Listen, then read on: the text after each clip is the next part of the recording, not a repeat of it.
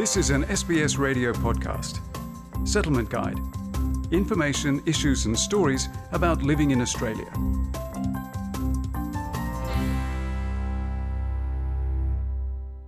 SBS acknowledges the traditional custodians of country and their connections and continuous care for the skies, lands, and waterways across Australia.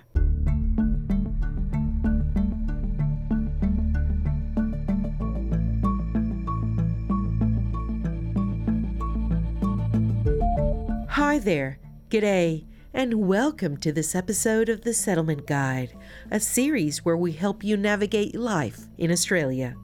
Whether you arrived today, have been living here for years, whether you were born in Australia or you're planning to move here shortly, this series is for you. My name is Claudiana Blanco, and I came to live in Sydney more than a decade ago, and I'm still learning about life down under every day.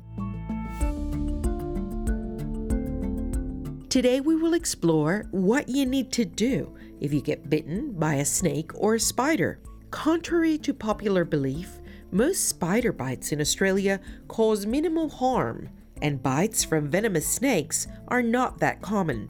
But it is important to know how to react, as some bites can be life threatening. Our general approach to someone who advises us they've been bitten by a snake is we treat all instances of being envenomed, even in the absence of symptoms, because it's most safe to do so. Spider bites are probably a little bit trickier. Often the type of spider or the type of injury is not known. So whether it's a redback or a funnel web or, or some other type of spider, often it's just I'm concerned I've been bitten by a spider, I'm not feeling well. So when there's more symptoms than just pain at the site, we start to get more concerned and, and escalate care. Let's get started. Australia has a reputation for venomous animals, but when it comes to spiders, it is considered a lucky country. The medical director of the New South Wales Poisons Information Centre, Darren Roberts, explains. There's really only one spider that we're particularly worried about, and that's the funnel web. Although there's a lot of talk about redback spiders being toxic, they can cause you to be unwell, but chances of dying or even having severe poisoning requiring hospital admission is very low. So, all other spiders in Australia are generally considered to be low or non toxic. Although the redback spider does contain venom, effects take hours to develop and do not require medical treatment unless there are signs of infection or aggravated symptoms. The first aid treatment for a redback is the same as any spider, except the funnel web. Wash the area with some antiseptic, double check that your tetanus is up to date, and otherwise it's a matter of just watching and waiting. Symptoms, if they do develop, develop slowly, and they don't always require people to have to go to hospital. Local pain after a spider bite is common. Applying a cold compress or ice pack wrapped in a clean cloth directly over the bite for 15 minutes can help relieve the pain. Often, a spider bite can be so delicate that people don't actually feel it until later. Dr. Roberts says this is in contrast with what happens with funnel web spiders. Funnel web is actually a painful bite. When it bites, that's when it injects venom. And fairly quickly, within 30 to 60 minutes, people start to report symptoms pain, racing of the heart, sweating, breathlessness. People report tingling around their lips. Sometimes their muscles can feel weak and have tremors. So, the funnel web spider is a major concern because it causes life threatening poisoning, and this can often occur very quickly. Someone can be severely sick and require an ambulance and require special treatment in a hospital. Sean Francis is a doctor at the Queensland branch of the Royal Flying Doctor Service, a not for profit provider of aeromedical transport, healthcare, and 24 hour emergency services in Australia's rural and remote communities.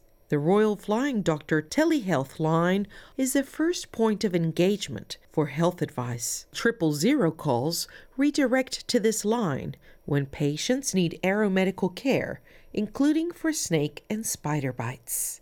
Medical retrieval service is the service which would enable the patient to get to the care that they require. And so, snake bites, spider bites require definitive care. And a lot of our patient populations are in places where they can't receive that those patients will call us directly They'll speak to a doctor on the phone. The doctor will provide advice to them, first aid, and then kick off the approach to determining the appropriate logistics to get that person to the care that they require.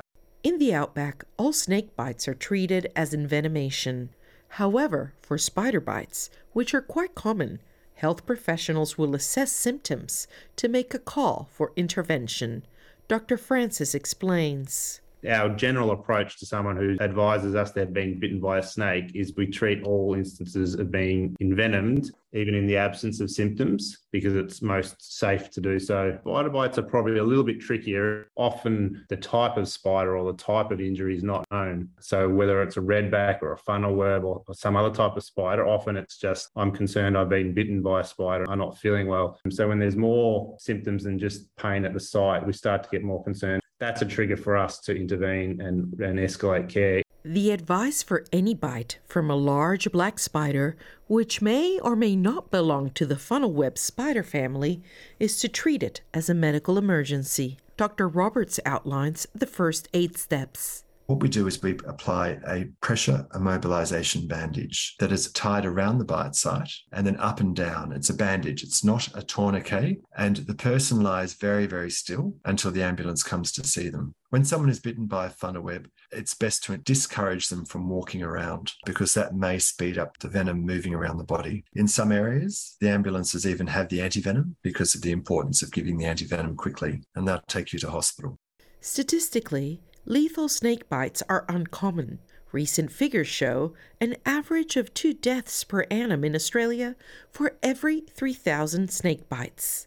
Some bites are dry, meaning that the snake strikes but no venom is released. However, every snake bite must be treated as potentially venomous. Dr. Francis outlines the three necessary steps applying a pressure immobilization band, splinting to immobilize the bitten limb, and calling triple zero. Any snake bite needs to be managed with the same first aid, regardless of symptoms or concern about being a dry or venomous bite. So, any instance where we think a snake has bitten a patient, we instigate the same first aid, which is a pressure immobilization bandage, immobilization, splint, and medical care for all of those patients. Gianni Hodgson is a licensed snake catcher in regional Victoria. There are some types of venomous snakes he sees more regularly, but he says even a non venomous bite can cause problems. Tiger snakes and brown snakes are probably the most commonly seen. Copperheads are really close behind. Red bellied black snakes are common, but they are seen less than the other guys. But even a python, it is a good idea to move them away from house. because You might have pets that, you know, might interact with it and children might interact and they might get bitten by the python.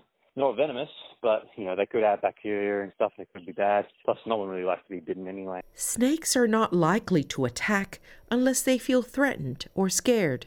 Mr. Hodgson shares some tips on what not to do when you notice a snake. Don't really make big noises simply because if you're really close to it, that's going to set it into a defensive mode and it might lunge at you because it needs to protect itself make yourself known by sort of like moving around. This is like if it's in within, say, two or three meters, make yourself known by moving around and just back away from it, really. If you're standing on top of it accidentally, like you're walking along and suddenly you stand and it's like 30 centimeters from you, just stay dead still. Let it move. It's going to keep on going on its way. It just hasn't noticed that you're there yet. Dr. Roberts says if you're unsure what to do after a spider bite, you can call the Nationwide Poisons Information Center helpline. You can always get advice from the Poison Centre on 13 11 26. The phone is answered by a trained expert 24 hours a day, seven days a week, who can help to provide advice about what is the best thing to do. But for all snake bites, as a precaution, you need to call triple zero immediately in case it becomes an emergency. If you're with anyone who has been bitten by a snake or spider, and they are not themselves. For example, they look like they're confused, they collapse, they have any severe pain or other marked symptoms, don't hesitate. Call triple zero. Thank you for listening to this episode of The Settlement Guide, written and produced by Zoe Thomaidou and hosted by me, Claudiana Blanco. The Settlement Guide managing editor is Rosa Germian. Until next time.